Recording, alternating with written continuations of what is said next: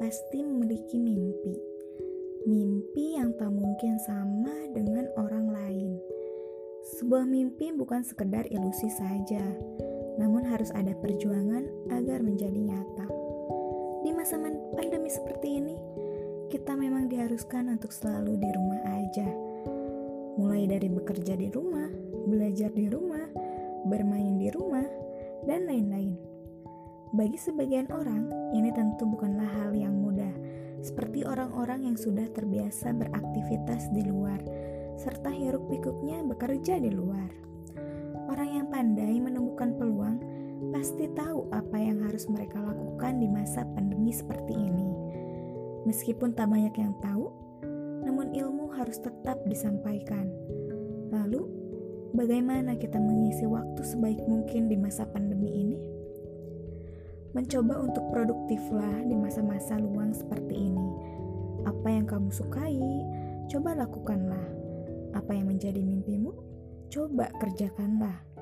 Biasakan dengan mengasah keterampilanmu minimal 15 menit per hari, seperti Anthony Trollope. Masa iya sih, selama 24 jam hanya diisi dengan kegabutan dan rebahan yang tak berfaedah? Coba untuk meluangkan waktu selama 15 menit per hari untuk melakukan kegiatan yang kamu sukai dan menjadikan itu sebagai passionmu. Tidak sedikit orang yang sukses karena itu berasal dari passion dan mereka selalu mengasah keterampilan mereka. Dan buatlah timeline untuk melihat progresanmu.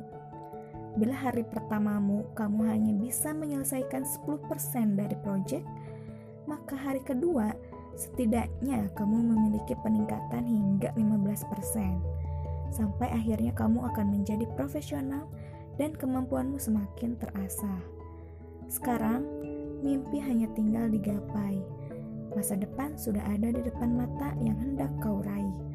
Tindakanmu lah yang akan mengatur segalanya. Mau jadi sukses atau hanya sekedar ilusi?